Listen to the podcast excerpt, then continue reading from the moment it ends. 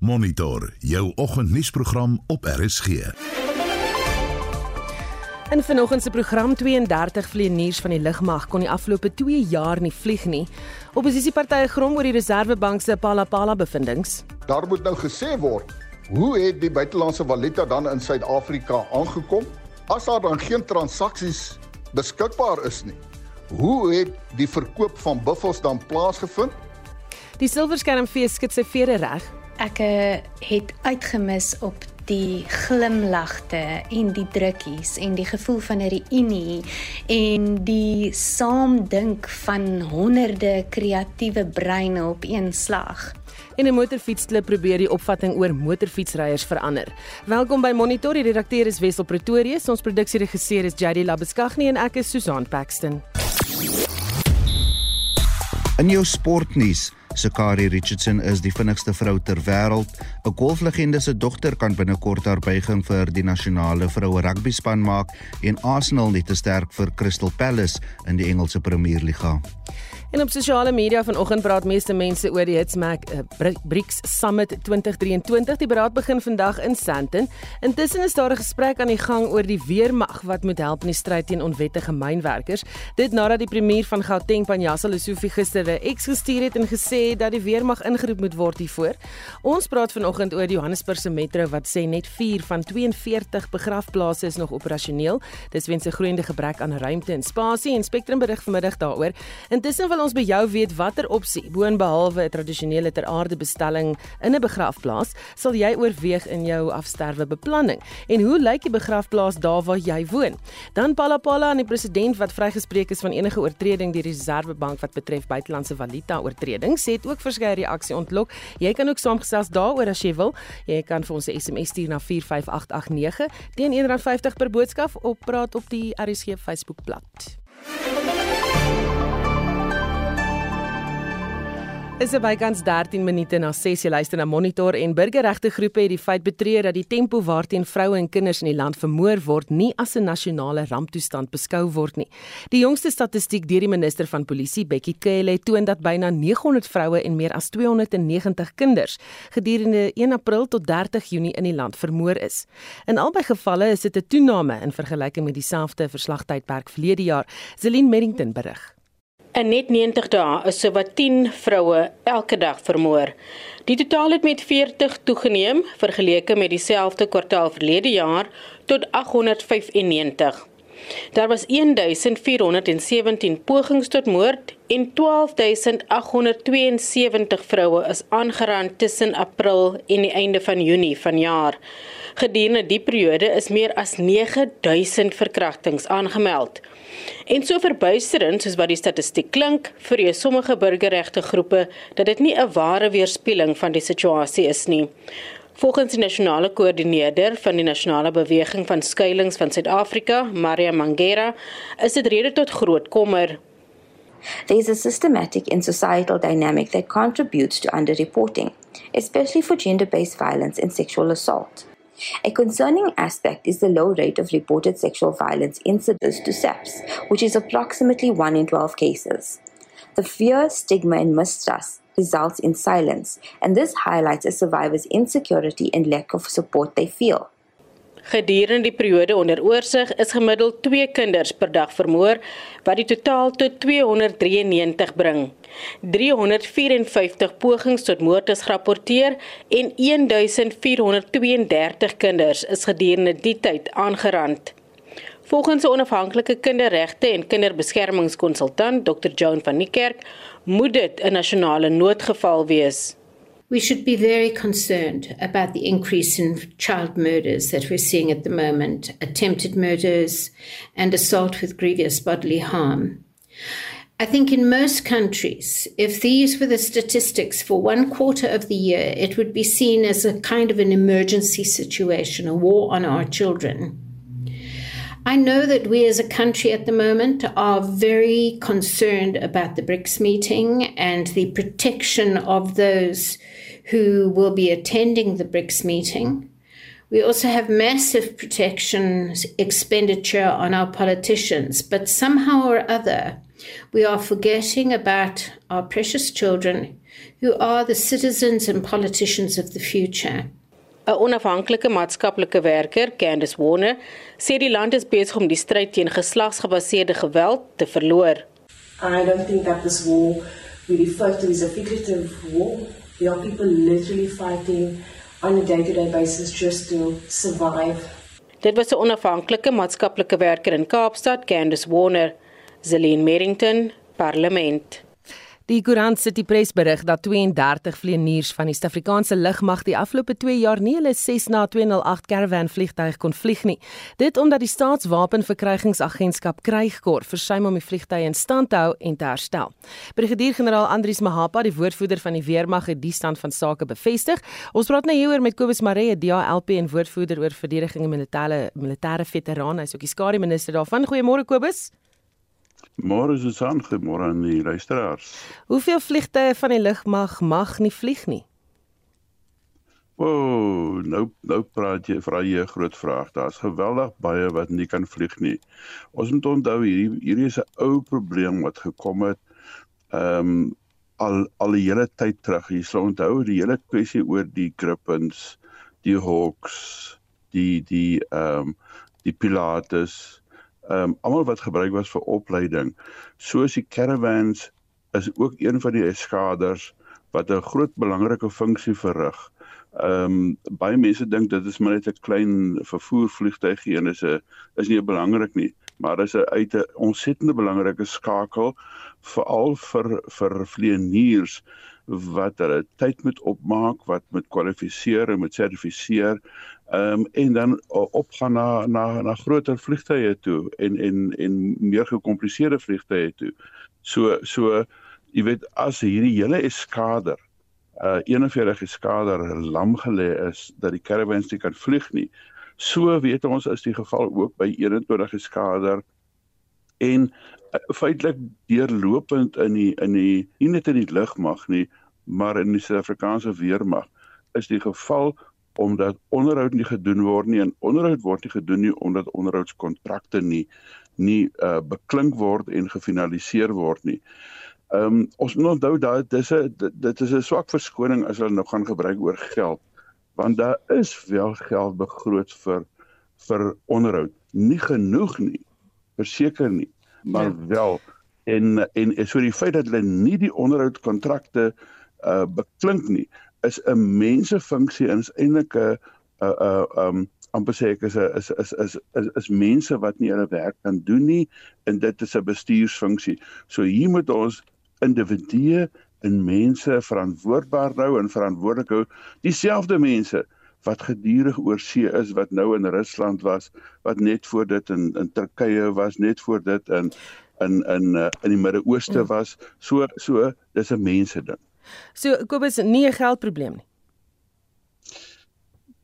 Laat laat ons sê daar is nie genoeg geld vir alle onderhoud nie, maar daar is wel geld vir onderhoud. En as daar nie onderhoudskontrakte gefinaliseer word nie, en dit is die rede, dan moet mense nie sê dit gaan oor die geld nie, maar dan gaan dit oor die mense wat nie hulle werk doen nie. Hmm. Daarvoor moet ons geen geen geen geen daar, daar moet konsekwensies wees in gevolg of sulke mense. Hoe lyk ons verdedigingsvermoë dan gegee word die lugmag se stand van sake? Die die die die verdedigingsvermoë is is baie baie swak. Ons weet die twee divisies wat die ergste geraak word is die lugmag en en daar kan ons praat van al ons platforms, beide die vaste vlek en die rotor ehm uh, ehm uh, platforms en ons weet dat dat ons is afhanklik van byvoorbeeld ons Arex en die rooi valk en ons weet hulle kan nie vlieg op hierdie stadium nie en dit word toegeskryf aan aan beide uh Kruitkor maar ook aan Denel. Ehm um, ons weet dat die C30s wat wat nou uh deur 'n maatskappy Marshalls in uh um avionics in in ehm um, in Brittanje opgegradeer word. Dan as ons na die vloot toe gaan, dan weet ons daar is daar's een fregat en daar's nou een duikboot wat so hoi poloi hinke pink ehm um, aan die gang is 'n bietjie en verder as ons nou ons na ons landmagte gaan kyk waar ons na ons voertuie kyk weet ons dit is net so groot probleem ehm um, ja. omdat selfs selfs die kontrakte vir die stoor van daai voertuie daai daai onderhoud word ook nie gedoen nie en daai kontrakte word ook nie uh, gefinaliseer nie. So dis 'n deurlopende probleem in die hele weermag. Hmm. Die vleniers van 41 geskader moes reeds 2 jaar lank glo kantoorwerk doen om besig te bly. Wat doen dit aan vleniers se vaardighede as hulle weet so op die grond moet bly? Want dit is 'n enorme probleem. Ons moet onthou nie net vir die vliegtye wat 'n minimum ure moet vlieg om om diensbaar te kan wees nie en om daai akkreditasie wat ek amper sê te kan kry nie, maar nog te meer vir vlieëniers, medevlieëniers, vlugingenieurs is dit ontsettend belangrik om om werklike ligtyd te kry en nie net in 'n in 'n in 'n uh, simulator te gaan sit en ure op te bou in 'n simulator nie. So so ons sit met vlieëniers wat hoogs goeie vermoëns het, maar hulle kan nie hulle akkreditasie behou nie of hulle sertifisering behou nie want hulle kan nie vlugure opbou nie. En dit is van die redes hoekom baie vlieëniers met groot potensiaal eerder uh, die die weermag verlaat en dan na private uh, lugrederye toe gaan. En 'n mens kan hulle nie werklik kwaliek neem nie want ons wil hulle in die, in die lug hou. Hulle moet in die lug wees. Ons het hulle in die lug nodig want anderste is ons uh, amper sê ek 'n sitting duck soos die Engelsman sê vir enige iemand wat ons sou wou aanval of leed aan doen. Ehm um, van julle kant af gaan julle iets doen nie omtrent? Ja, ek het reeds 'n uh, vraag ingedien hieroor ehm um, na die minister toe sodat ons hooplik dit in skrif gaan kry. Ehm um, ek ek het ook 'n vrae skrywe gerig om dit onder haar aandag te bring en natuurlik um, by die eerste moontlike geleentheid wat die die gesamentlike staande komitee op verdediging sit of die portefeulje komitee waar die weermag um, en en die en of die lugmag dan uh, aan ons moet kom rapportering doen sal ek verseker hierdie hierdie saak lig want dit is totaal totaal onaanvaarbaar en ek dink nie as daar sal 'n probleem met die ondersteuning van die ander komiteelede wees want almal voel baie sterk Hm. oor die verval van ons weermag. Kobus terwyl jy op die lyn is, wat dink jy van die Gautengse premier wat vra dat die weermag nou moet help met die eh, onwettige mynwerkers om dit vas te vat? Ons kan dan nie eens vlieg nie. Presies. Ehm um, ons kan nie vlieg nie. Ons het nie geld vir opleiding nie. Ehm um, uh niemand die nasionale tesourier wil dit vir ons gee nie. Daar's nie 'n politieke wil en 'n bestuurswil om verandering te bring nie. Ehm um, en dan wil die polisie ook nie hulle werk doen nie. Ehm um, en en ek het 'n kleintjie daaraan om die weermag in te roep net wanneer die polisie absoluut faal in sy werk.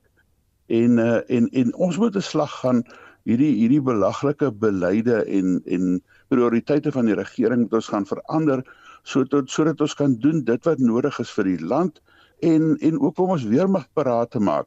Hoe gaan dit lyk as 'n onparate en 'n nie parate weermag ontplooi word uh, om om zama zamas te jag en te jag. Dis mos nie die werk van 'n weermag nie. Um, ons ons behoort ons eie werk te kan doen wat ons nie eers kan bykom nie. En ons weet daar's groot probleme in Mosambiek en ons weet daar's groot probleme in die in die DRK uh en die moontlike onttrekking van die van die Verenigde Nasies daar. So ons het baie baie groot dinge op op hande en dan wil hulle moet werk om wat die polisie eintlik moet doen en so so ek is teen dit maar uh, want dit is nie 'n ding waar die integriteit van die land en die veiligheid van al ons mense bedreig word nie. Dis 'n klein geïsoleerde area waar die Zamazamas is en uh, en ons moet stop daarvoor om om wanneer die nood hoog raak en die polisie ja. val in hulle basiese funksie om te gryp na die weermag. Ek dink nie dis 'n dis 'n gesonde benadering en beleid nie.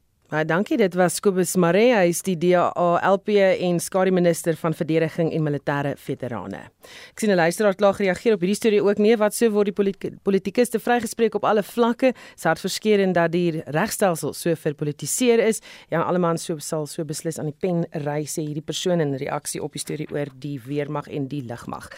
Die Suid-Afrikaanse Reserwebank president Cyril Ramaphosa vrygespreek van enige oortreding in sy ondersoek na onbekende buitelandse valuta wat in 20 2020 van sy Palapala plaas gesteel is. Die sentrale bank sê dat daar nie enige oortredings was van die valutabeheer regulasies deur Ntaba Nyoy Estates of deur die president nie. Anne Marie Janse van Vieren doen verslag. Die verslag volg op 'n ondersoek na die Palapala beweringe deur die voormalige intelligensiebaas Arthur Fraser. In 'n verklaring sê die Reserwebank weens wetgewende vereistes en beperkings sal hulle nie die volledige private interne Palapala verslag vrystel nie. Dit het egter aan die lig gekom dat die Reserwebank 15 beëdigde verklaringe en honderde dokumente oorweeg het terwyl hulle met ander owerhede geskakel het vir die afsluiting van die ondersoek. Die politieke ekonom Kaya Sitole sê die jaarlange ondersoek laat veel te wense oor. The statement itself is quite surprising in the fact that it fails to appreciate the gravity of the public interest dimension in this matter. And what I mean there is that what we've seen is essentially uh, the Reserve Bank publishing a press statement that says, look, we've conducted an investigation and we've decided that the details of the investigation must not be made public, but you guys must just find peace and comfort with this conclusion that says that nothing went wrong. The basis for the conclusion is equally controversial. Die Reserwebank sê verder omdat die transaksie nie voltrek is nie, aangesien die Sudanese sakeman Has Mustafa Mustafa nooit die buffels wat hy gekoop het ontvang het nie, was daar geen wetlike verpligting op Ramaphosa of Ntaba Nyoni om die buitelandse valuta onder valuta beheer regulasies te verklaar nie. Dion George, die voorsitter van die federale finansies van die DA, meen egter die vryspreking is gebrekkig. Hy sê hy sal die goewerneur van die Suid-Afrikaanse Reserwebank, Lesetja Ganyagu, versoek om die Palapala verslag aan hom te verskaf. This was not a perfected transaction, which means that the transaction was not actually completed. And therefore, the president wasn't entitled to the money. And that's where they stopped. But what they didn't do was actually look at what is the apparent fact that there was cash money held in furniture for an extended period of time that is outside of the legislative limits. So they are silent on that. And so I will be asking the question in who investigates that. And I see the governor um, in parliament. Um, I will also be asking for the report because it's clearly this is, doesn't answer much, that's for sure. Intussen het die beleggingsorganisasie vir Progressive Group die besluit van die Reserwebank verwelkom. Die uitvoerende hoof is Kuglem Palwa. The outcome uh, says that uh, they have been found anything that the president have actually uh, contravene with the exchange control regulation and stuff like that. And that, I think, that would extend a good market sentiment, which would actually say, it would drive that obviously there could all be some stability in terms of what's happening in the domestic politics. And then from a uh, a market sensitive point of view in terms of what would that be have implication on the rent and how the, the, the investors actually see that. Dit was Kuglem Palwa van the Progressive Group. Hierdie verslag deur Katlego Lugodi in Johannesburg en ek is Anne Marie Jansen van Vuren vir SAK nuus. Die Vryheidsfront Plus sê die verslag en die bevindinge van die Suid-Afrikaanse Reserwebank oor die gebeure op president Ramaphosa se wildplaas Palapala laat meer vrae ontstaan as wat dit antwoorde gee oor die aangeleentheid. Die party se leier Dr Pieter Groenewald. Daar moet nou gesê word, hoe het die buitelandse valuta dan in Suid-Afrika aangekom? Want daar is geen dispuut dat daar buitelandse valuta versteek was op die plaas van die president nie. Die tweede vraag is as daar dan geen transaksies beskikbaar is nie, hoe het die verkoop van buffels dan plaasgevind? En dan moet die ontvanger van inkomste sê, het hy enige transaksies wat hy onder oog gehad het en was daar dan BTW betaal op hierdie transaksies? Indien nie, is daar ernstige oortredings. Hierdie hele bevinding van die Reserwebank dui daarop dat die onafhanklike paneel wat moes bepaal of die president sekere vrae het om te beantwoord alvorens 'n parlementêre ad hoc komitee aangestel word, het korrek bevind dat hy het vrae waarop hy antwoorde moet verskaf. En wat die ANC nou hulle meerderheid misbruik het in die parlement om te verhoed dat hy daardie antwoorde moet verskaf. Die Vryheidsfront Plus dring daarop aan dat die parlement moet heroorweeg En dit was Dr Pieter Groenewald, die leier van die Vryheidsfront Plus, die EFF het die verslag as pateties bestempel en as 'n flou poging om president teen die Palapala misdrywe te beskerm. Ons waarsku luisteraars dat van die inligting in die volgende bydrae ontstellend mag wees. Dit is die maand 3 jaar sedert die ontploffing van graansilo's in die Beirut hawe in Libanon. Minstens 220 mense is dood en 'n verdere 6500 is beseer en verskeie geboue is in 'n oogwink platgevee. Kort na die voorval het die owerheid gesê die tragedie is veroorsaak deur 'n brand in 'n pakhuis waar 'n groot hoeveelheid amoniumnitraat onwillekeurig geberg is. Libanese en internasionale rolspelers het intussen die VN se Menseregte Raad genader om druk op die owerheid te plaas omdat hulle nog wag op antwoorde en geregtigheid. Intussen berig Marlenae Forsie poog verskeie inwoners om die stukke van hulle lewens weer op te tel. Een van hulle is Mirna Gabush en haar seentjie Chris. Uh, I was taking my son with me in my car and I was going to Maram Khail, which is near here, to bring him milk. He was only one year and one month. Uh, I saw uh, I saw the blast, but I uh, I panicked. It looked dangerous. It, the noises, the sounds, the color, the fire, everything about it was uh, totally different from the videos that you see it. It's uh, uh, it only took a couple of seconds, and the explosion happened. Sy het genoeg tyd gehad om haar seentjie op haar skoot te sit en met haar lyf te beskud. I only felt uh, the glasses, they were like bullets, they were like knives. I thought that I was dead. I looked at my son, he was crying. I, I heard his noises, I heard his cries. I managed to escape from my car. Someone was uh, yelling at me, Give me your son, give me your son. He was someone from here. Haar huis is ook verwoes, maar intussen oorgedoen met die hulp van die African Muslims Agency en is hier waar ons sit en praat. Sy word 'n oomblik stil en vertel in Arabies hoe sy kon agterkom dat sy toe sy uit die kar klim op die liggame van slagoffers getrap het wat in die straat gelê het. Sy is agter na hospitaal toe agter haar kind aan waar sy 25 minute na hom gesoek het in 'n klein ongevalle kamertjie, min wetend dat haar regteroog uit die oogkas geruk is deur die ontploffing. At that point, the nurse came and told me, Please, people are getting scared from you. You just put your hand on your eye, and I will take your hand and we will search for your boy. You say now that people were scared of you. Why were they scared? They were scared from my eye. Even at the hospital, they were scared. At the road, they were scared. Uh, it was cut into two pieces. My eyes were two pieces, and it was out. My injury was from my eyebrow to my nose here. So this part here, it was all open. By ons is Gian Kaise van the African Muslims Agency. Chris, few months, did not get close to his mother because he was scared when he saw her. He was scared to be close to her. Imagine when I come here, he comes to me, but he couldn't come to her. Uh, the first thing that doctor told me to do is to put him at the nursery. So I went to a nursery and I. He used to play with the eyes of the babies because he used to see me closed and with one hand. So you, you have two eyes and my mom have one. So he used to play with the eyes for the babies. Till now, so he doesn't touch me. If he wants to kiss me, he kiss me on the left part, not on the right part. He went to my mom, he went to my sister, but he couldn't come to me. So. Uh, it was a little bit difficult for me. I'm sorry, is this your mother?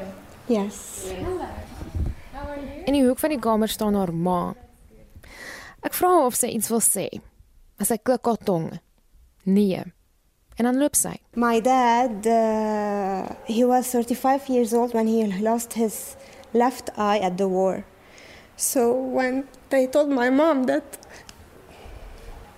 that I lost the sight on my right eye, she uh, she said, uh, "Is this was meant for me? Is this?" Uh, إنه ليه التاريخ عم بيعيد حاله First was my husband, after then my daughter, because you know we had civil war long time ago, even before her birth. Die trauma is nog vars en die geringste geluid gee haar slapelose nagte. I have to sleep and the door open so in case something other happens I don't uh, get injured again from the glass I take precautions. I never used to take precautions before. I never used to make plan A and plan B, but these days no, I take plan A and plan B. We have to. Die dag en datum van die ontploffing het almal in die stad se lewens onherroepelik verander. After 4th of August, I am blessed that I am seeing my son, I am touching my son and I am smelling him. Even my mom is touching me and smelling me because many children lost their parents and many parents lost their children. So it's a blessing to be alive. Yes, after that day it's a blessing to be alive. Die horlosie in Mirna se huis staan sedert daardie dag op presies 7 minute oor 6, die tyd van die ontploffing. Listen, the explosion didn't happen suddenly, like a tornado or uh, earthquake. It's something that people did. As long as we have case, as long as the justice, not for me, for everyone who lost blood, we will fight till the end, till we know the truth, and till we know what happened exactly that day. So for me, time is stopped at 6:07. When we know the truth, then it will continue and will be 6:08 and the rest. Dit was Mirna Gabush, 'n inwoner van Beirut. Marlene Forsie, SAK nuus. Monitor jou oggendnuusprogram op RSG. Dis nou 24 minute voor 7 later in die program vraagtekens oor Handrey Pollard se rol in die bokgroep en die silverskermfees skit sy vere reg bly ingeskakel. Ons gesels vanoggend oor die Johannesburgse metro wat sê net 4 van 42 begrafplaase is nog operasioneel. Ons vra vir jou watter opsies boonbehalwe tradisionele ter aarde bestelling in 'n begrafplaas sal jy oorweeg in jou afsterwebeplanning en hoe lyk die begrafplaas daar waar jy woon? En ek sien Karin Schulz sê op RC se Facebookblad skenk my organe en veras die res my man weet waar in die Kreer Wildtuin my as moet waai. Dis nogals 'n interessante een. Jy kan nie sommer net jou as gaan strooi in die Kreer Wildtuin nie. Jy gaan moet toestemming kry, onthou dit net. Dan sê nog iemand wat sê Linda Jacobs veras veras my en uh, dan moet dit by my oorlede man se graf ingesit word. Nog iemand John Stramford Juber wat sê veras my skenk my vir navorsing, maar moenie my begrawe nie want in begrafplase word grafte geskenk. Dis in elk geval net my dooie liggaam en die begrafplase is oorvol. En dan sê Mani Geldenhuys kompostering is die antwoord. Nog iemand wat sê kompostering en uh, Michelle Boonsaier wat sê maak 'n grot in die berge en lê my daarin en nog 'n luisteraar wat sê gaan kyk wat doen hulle in Nederland. Dis Alda Augustine van der Graaf 20 jaar maksimum dan word dit omgedolwe, opgevul en weer gebruik. Ek het my liggaam vir mediese navorsing geskenk so glad nie 'n probleem nie en dan is daar 'n paar mense wat vra hoe sy dit gedoen het en nog 'n luisteraar wat sê uh, Madeleine Ferreira de Pre wat sê ek word ter aarde bestel eendag of môre of uh, dan beter gestel as my doel op aarde bereik is. As my strewe getrek is, my graf is klaar gekoop langs my pa, dis wat ek verkies. Baie dankie sê sy.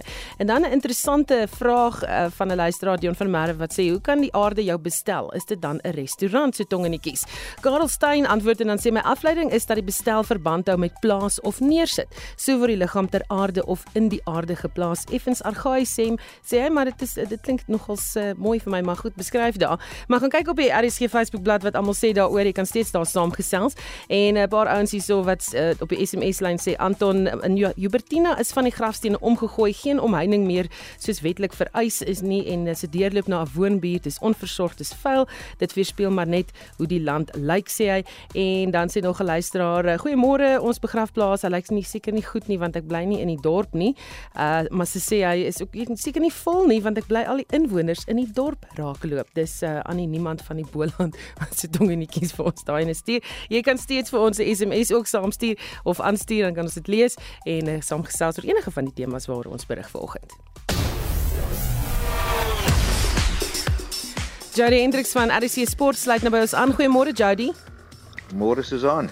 Wat was van die hoogtepunte gisteraand by die Wêreld Atletiek Kampioenskap in Hongarye? Ja, Shikari Richardson is die vinnigste vrou ter wêreld. Sy het in die 100 meter geseëvier. Grant Calloway is die 110 meter hekkies kampioen en dan die Olimpiese kampioen uh, Daniel Staal het met die laure in die diskus weggestap uit die Suid-Afrikaanse oogpunt Zyni van der Walt is deur na die eidene vir die 400 meter hekkies vir vroue maar het uitgeval in die platte 400 meter halfeindronde. 'n Paar interessante kombinasies in die boksspan vir Vrydag aand se toets teen die All Blacks op Twickenham.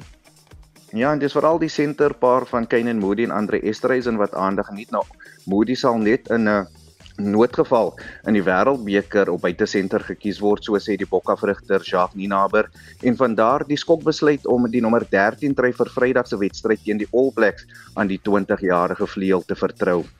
Dan is daar vraagtekens oor Handrey Pollard se rol in die Bokgroep.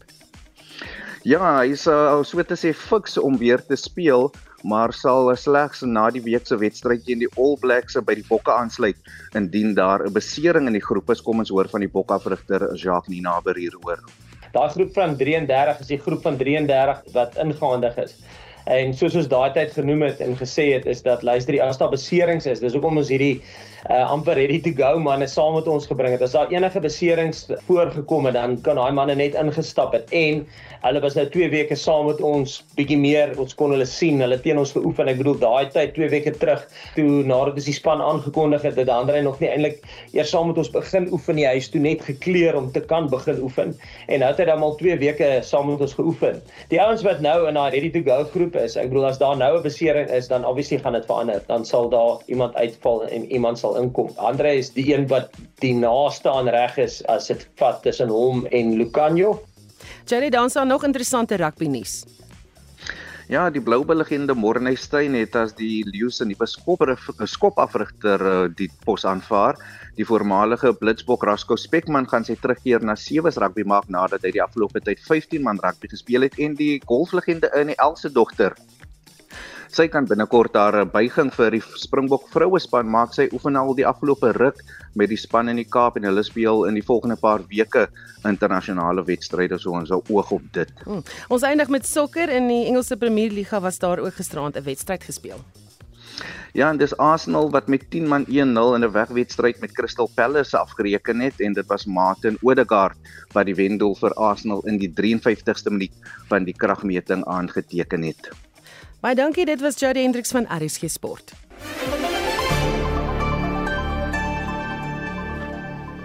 Dit is so byna kwart voor 7 jy luister na Monitor in Brasilië se president Lula da Silva was die eerste leier om in Suid-Afrika te land vir die beraad van BRICS leiers wat vandag begin. Kort op sy hakke het president Xi Jinping van China gevolg. Die justisie en veiligheidsgroepering het lede van alle eenhede ontplooi om die 50 staatshoofde by die 15de BRICS beraad te beveilig. 'n uitgebreide tentoonstelling van beamptes van alle eenhede in die veiligheidsgroepering van die weermag tot die taakspan is ontplooi om oor die volgende paar dae 'n veilige BRICS-beraad te verseker. Die minister van polisie, Bekkie Cele, het die parade voor die vergadering toegespreek.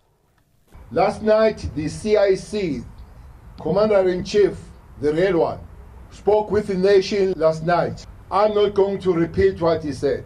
But for him to go on behalf of the government of Republic of South Africa, to go on national TV, all channels, and speak with the nation about the seriousness and prominence of these few days coming, it tells you how much serious the matter is. Die wêreld se aandag is op Suid-Afrika terwyl die beraad gaan besin oor die tema BRICS en Afrika, 'n vennootskap vir wederwysige versnelde groei, volhoubare ontwikkeling en inklusiewe multilateralisme.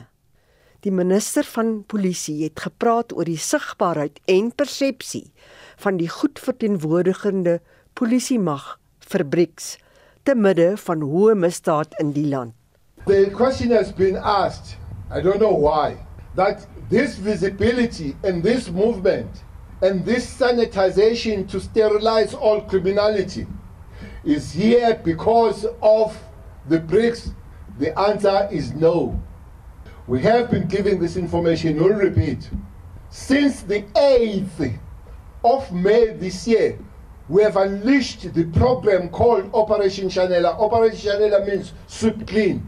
Die beraad duur tot 26 Augustus en lidlande hoop om intra-BRICS handel te bevorder. Kenny Mapanga het hierdie verslag saamgestel. Mitsi van der Merwe, SAK-nuus. Transnet pensionaarsse kan aan die einde van die maand 'n verhoging verwag as hulle pensioene uitbetaal word. Vir die jongste hier praat ons nou met advokaat Anton Alberts van die Vryheidsfront Plus. Goeiemôre Anton. Goeiemôre Susan. So wat is hierdie uitbetaling nou? Ja, hier is deel van die ehm um, skikking wat onderhandel is destyds met die hofsaak wat toe afgehandel is en dit is dat pensionaarsse ehm um, so na as moontlik aan inflasie gekoppelde verhogings sal kry elke jaar. So wat hierdie jaar gebeur is dat daar 'n totaal van 4.91% verhoging gegee word aan die twee groepe pensionaarsse. Dit is die pensionaarsse wat behoort aan die Transnet Tweede Vaste Voordeel Fonds, dis die grootste fonds van al die fondse en dan ook aan die pensionaarsse wat behoort aan die Transnet Subfonds wat 'n subfonds is van die Transport Pensioenfonds. En die totaal vir die verhoging is dan 4.91% vir hierdie jaar, is amper 5%. En die betaling vind plaas in twee dele. Die eerste betaling word gemaak um, in in die vorm van 'n 2% verhoging wat gebeur in die maand waarop die hooflid, die hoofpensionaris afgetree het. En dan word die verdere 2.91% uitbetaal aan die einde van Augustus wat nou hierdie maand is en um, ek dink dit behoort te wees teen die 24ste of 26ste van die maand. Mm. Hoe het pensionaars se finansiële situasie nou verbeter hierna? Wel die pensionaars kry natuurlik uh, nou meer uit as wat hulle voorheen gekry het. Voorheen het hulle net 2% gekry. So daar's altyd nou 'n uh, ekstra verhoging wat bykom wat ehm um, mik om die inflasie koers te te, um, te weerspieël of ten minste 70% van dit te bereik indien dit nie die inflasiekoers self kan weerspieël nie. En dan word daar natuurlik elke jaar gekyk na 'n moontlikheid nog steeds van bonusse wat ehm um, gewoonlik in November of in Desember betaal word. Maar daar's wel 'n probleem en dit is die Transmet mediese fonds wat wel baie hoog is. Ehm um, elke jaar is die stygings daar baie en ehm um, dit vreet natuurlik bietjie die verhogings op van die pensionaarsse op die stadium, maar ek het nou begin om 'n ondersoek te loods na die Transmet mediese fonds om te bepaal waarom die stygings so hoog is in daardie fonds terwyl die dienste wat mense kry uit daardie fonds eintlik al hoe swakker word. Ja, want daardie mediese fonds, uh, jy weet, gebruik, maak gebruik van staatsdienshospitale. Ja, dit is die gekheid daarvan. Ehm um, hulle het hulle eie voordele so afgeskaal dat pensionaars eintlik 'n staatshospitaal moet gebruik indien hulle gehospitaliseer word in plaas van 'n privaat hospitaal.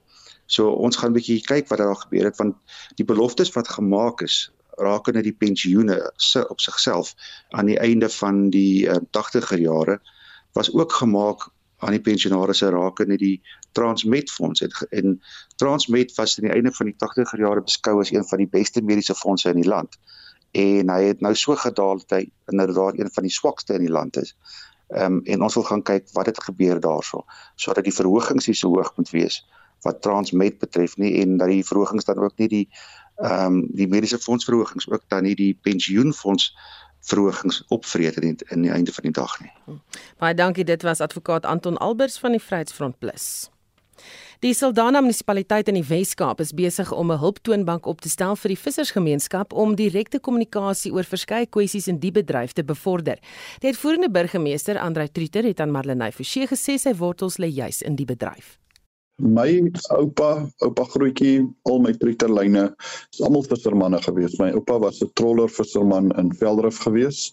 My pa was die eerste een wat nie vis gevang het nie. So ek het nog maar altyd 'n hart gehad vir die vissermanne en vir die vissersgemeenskap. Hy sê hy het voordat hy burgemeester of selfs raadslid geword het, besef die vissersgemeenskap van tradisionele tot die pelagiese vissers word uitgebuit. A die staat verstaan nie hulle nodighede en presies die kompleksiteit van die bedryf nie en B dat die visserman werklik net belangstel wat is die weer vandag en kan ek gaan visvang.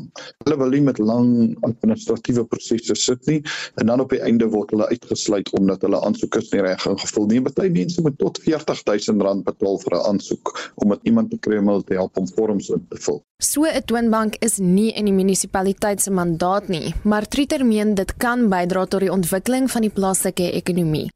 Hy is nou op soek na iemand wat die bedryf goed ken om die toonbank te bestuur.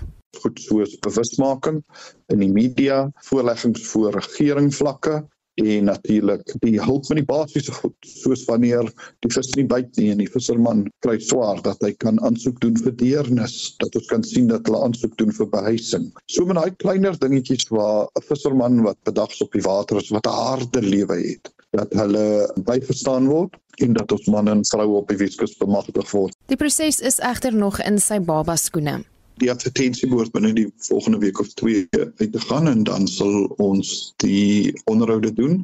Die munisipale bestuurder doen dit. Dan sal die aanstelling kom en dan sal ons basies will hit the ground running soos die Engelse sê. Obviously dit is 'n 'n 'n nuwe proses, so ons sal maar voete vind en ons sal eintlik gelei word deur die vissersgemeenskap. Maar in my boek sê ek altyd daar's net een verkeerde ding om te doen en dit is om niks te doen nie. So op die oomblik wil ek net my aas in die water kry want dan wil ek definitief 'n vis vang.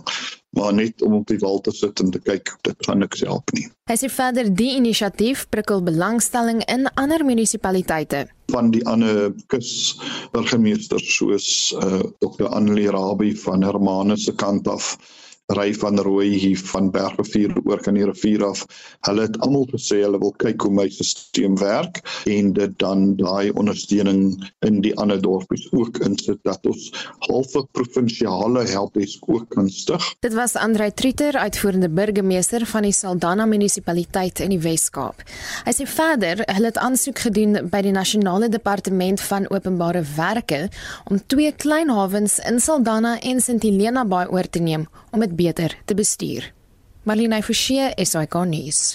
Die Silverskermfees begin môre in Kampsbaai. Dis 'n hoogtepunt in die Afrikaanse rolprentbedryf se kalender met rolspelers van vervaardigers tot verspreiders wat hier bymekaar kom. Anne Marie Jansen van Vieren het die besonderhede. Die Silverskermfees se projekbestuurder, Edmund Bekes, sê hulle is druk besig met die laaste logistieke reëlings om die balsaal van die Byhotel in 'n gesofistikeerde rolprentteater te omskep. Ons is besig om die laaste stoele uit te pak, reg te sit, seker te maak almal kan die skerm baie mooi sien. Slaan die mooi media muur op op ons blou tapuit en kyk of die laaste stukkie draping reg hang en of die ligte reg ingestel is. Volgens Bekes verwag hulle rolprentmakers van reg oor die land, insluitend 'n paar internasionale gaste. Ons het 700 sitplekke by die fees waar mense die films kan geniet, maar ons verwag ongeveer 1500 mense oor die paar dae wat ons gaan besoek. Almal wat die verskillende films kyk en almal wat in en uit beweeg. Weens die COVID-19 pandemie is die fees in 2020 slegs aanlyn gehou en in 2021 het dit weens die regering se inperkingsreëls nie plaasgevind nie. Verlede jaar het dit hybrid plaasgevind en slegs enkele gaste is na Kampsbaai genooi. Beke sê dis juis hierdie fisiese bywoning van die Silverskermfees wat hy die laaste 2 jaar gemis het. Wat ek die meeste gemis het verlede jaar is die volsale. Wat vir my baie lekker is is elke stoel wat ons hierdie jaar uitpak, weet ek mense mag opsit en ek weet ons hoef nie 'n stiker te plak wat sê hou plek oop nie. Die Silverskermfees se programbestuurder, Tina Creer, stem saam. Kyk, wat vir my belangrik is, is dat stories inspireer.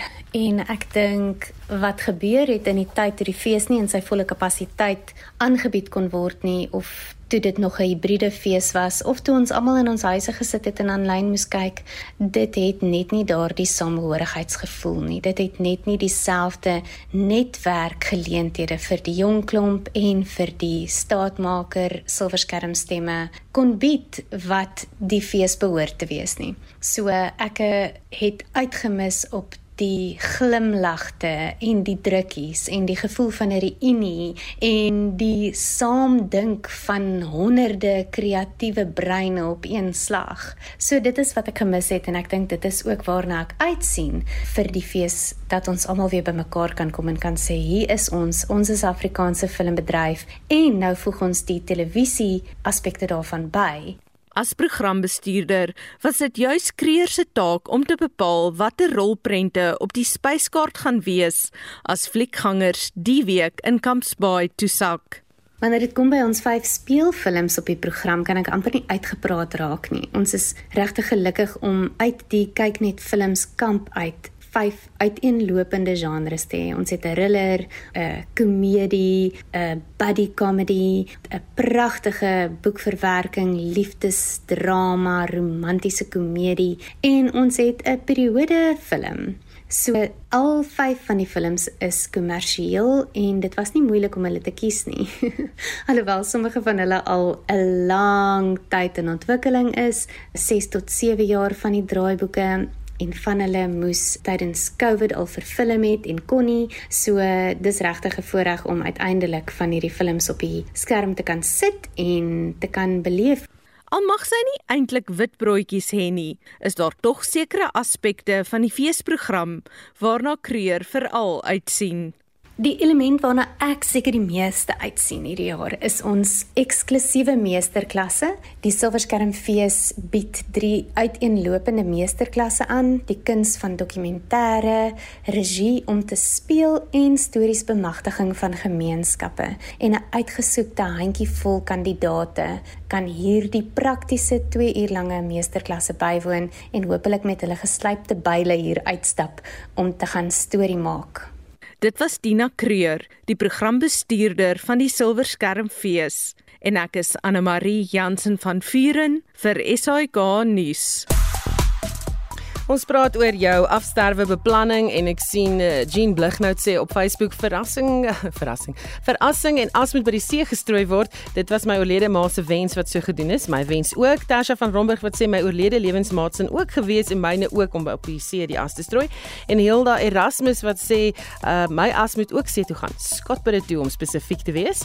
Nog 'n paar mense wat vra oor hoe kan jy liggaam skenk vir navorsing? Sal kyk of ons dalk miskien iewers uh, die uh, nie weet interessante inligting kan kry en hier kan plaas. Nog iemand Ansie Ludik wat sê my liggaam is vir navorsing aan die universiteit geskenk vir navorsing, so geen begrafnis nie. Onthou vorige uitsendings van Monitor Spectrum brandpunt naweek aktueel en kommentaar is op RC se webblad beskikbaar. Ons groet namens ons uitvoerende regisseur Nicoline de Wet, die redakteur Wessel Pretorius, ons produksieregisseur Jady Labeskagni. My naam is Susan Paxton. Geniet jou dag.